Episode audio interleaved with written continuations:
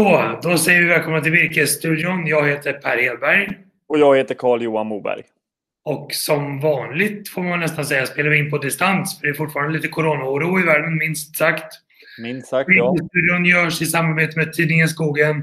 Och tidningen Skogen läser ni för att hålla er uppdaterade kring skogsbruk, virkesmarknad och mycket, mycket mera. Du Carl-Johan, hur är läget? Ja, men det är bra är det ju trots allt, men man är ju lite orolig kring allt som händer i världen. Så är det ju. Det händer väldigt mycket och just nu ser USA att vara ganska illa däran av coronaoron och coronakrisen. Mm. Hur påverkas, vad läser vi om i skogen och skogsindustrin i Sverige? Nej, men den här veckan har jag pratat runt ganska mycket eh, bland skogsbolagen där ute och det tydliga tecknet är ju liksom att man försöker minska sina, sina lager, sina väglager för att kunna kunna vara, hantera situationen snabbt. Eh, det innebär ju att... En... sina lager både för att hantera coronakrisen men också ja. för att hantera kommande barkborrevolymer. Ja, nej men så är det ju. Men sen får vi ju inte glömma bort att vi befinner oss i april och då brukar det alltid vara mars-april med en puckel med, med virke från som faller ut sen vintern. Då.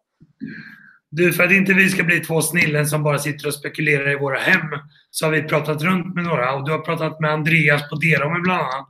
Precis, råvaruchef där. Ska vi ta och titta på det? Hej Andreas, hur står det till? Det är bara bra, tack. Ja. Och du är råvaruchef på, på Derome? Jajamän, jag är råvaruchef på Derome Skog som då är eh, organisationen som ansvarar för eh, råvaruanskaffningen till Deromegruppens sågverk. Just det, för det är ju ganska så stort företag, eller väldigt stort företag med många olika grenar. Kan du berätta lite hur hela koncernen kan, ser ut?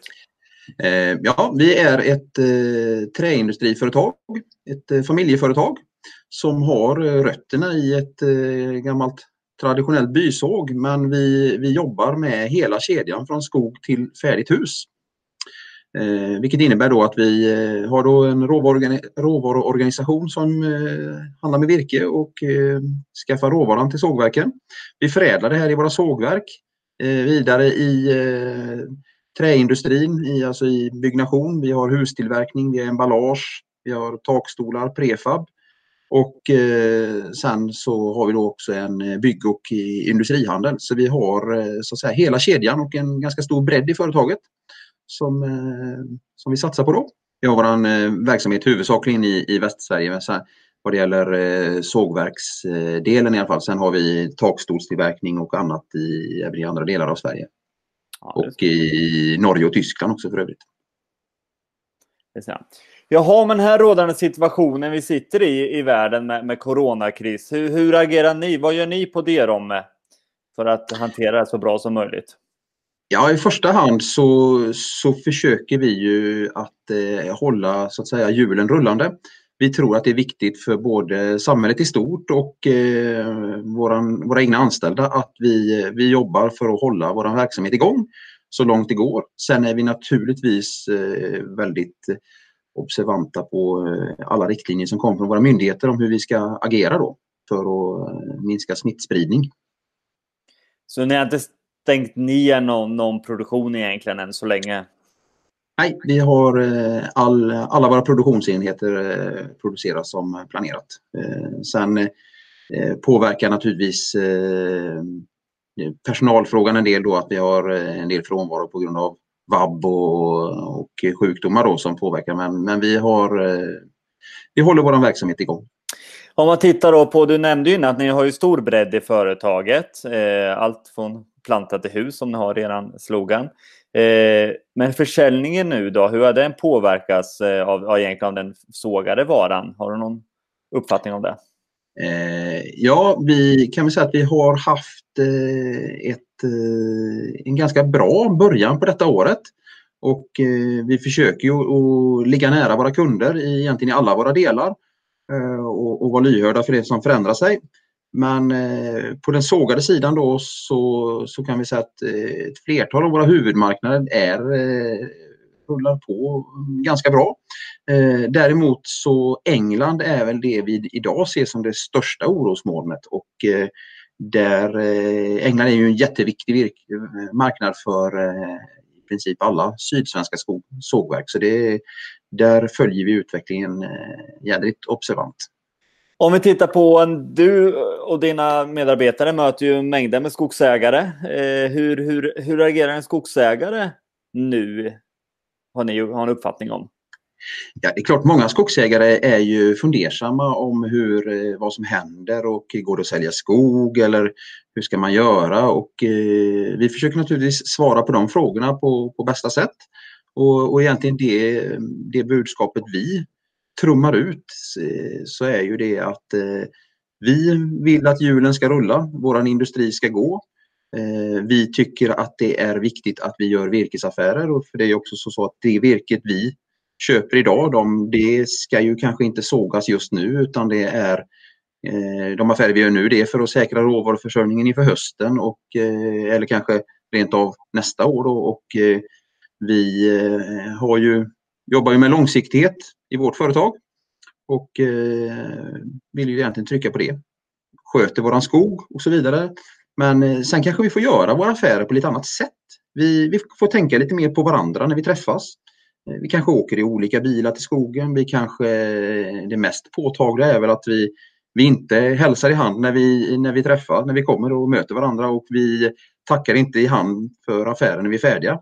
Utan vi kanske, vi kanske använder digitala hjälpmedel. Vi kanske inte ens träffas utan vi, flyger med drönare och tittar på film ihop eller vi tittar på filmen på var och en på sitt kontor eller att vi eh, gör affärer utifrån en skogsbruksplan. Men vi, eh, det viktiga är väl att vi, vi vill trycka på att eh, det är rätt att hålla verksamheten igång. Helt klart.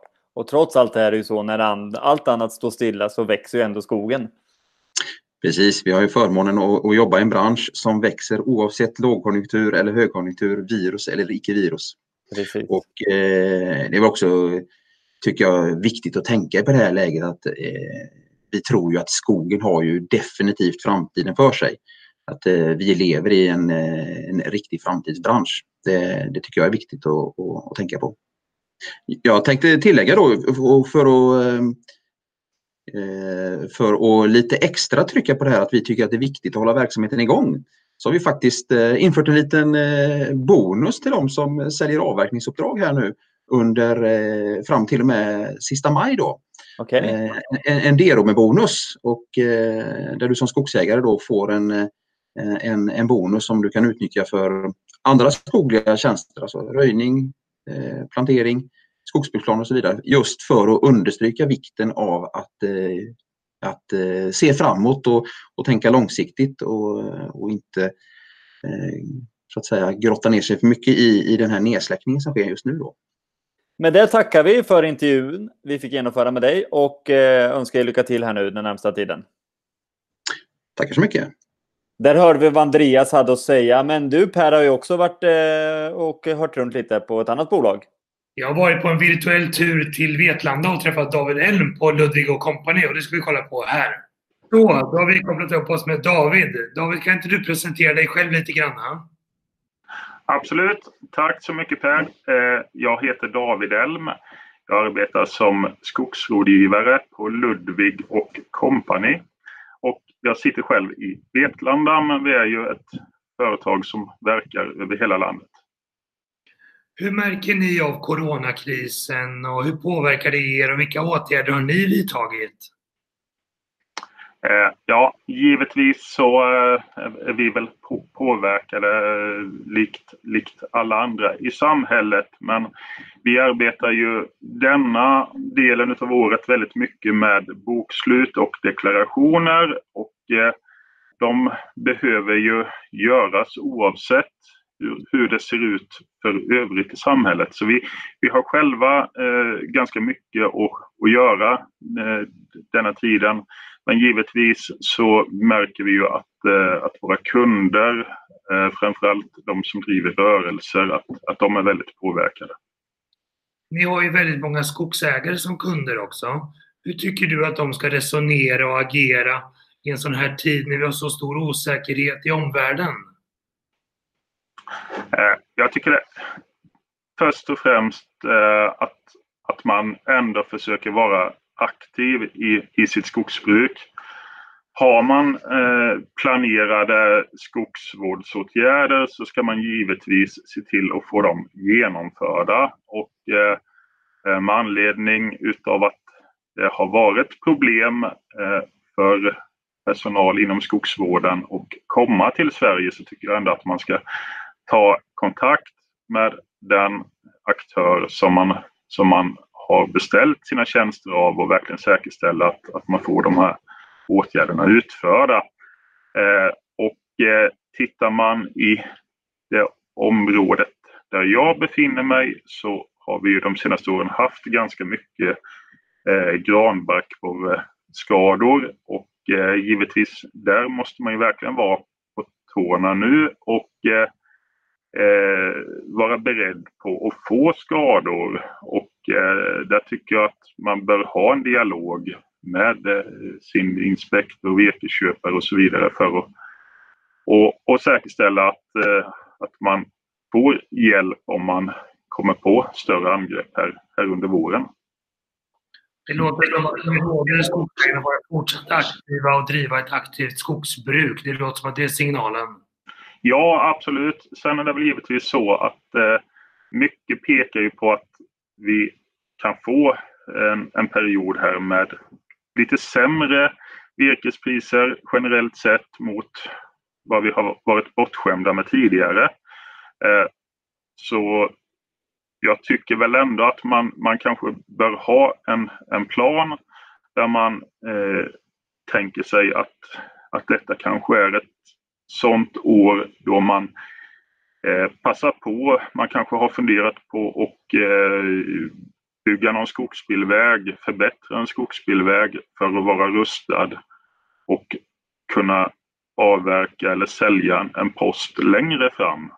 Och eh, tittar man bakåt sett när vi har haft eh, perioder med, med sämre virkespriser så är det ändå ofta så att något specifikt sortiment kan vara bra betalt.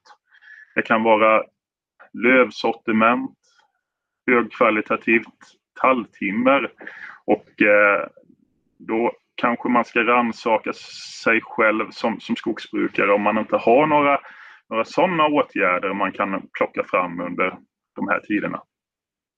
Ja, men jag tycker det är kloka råd.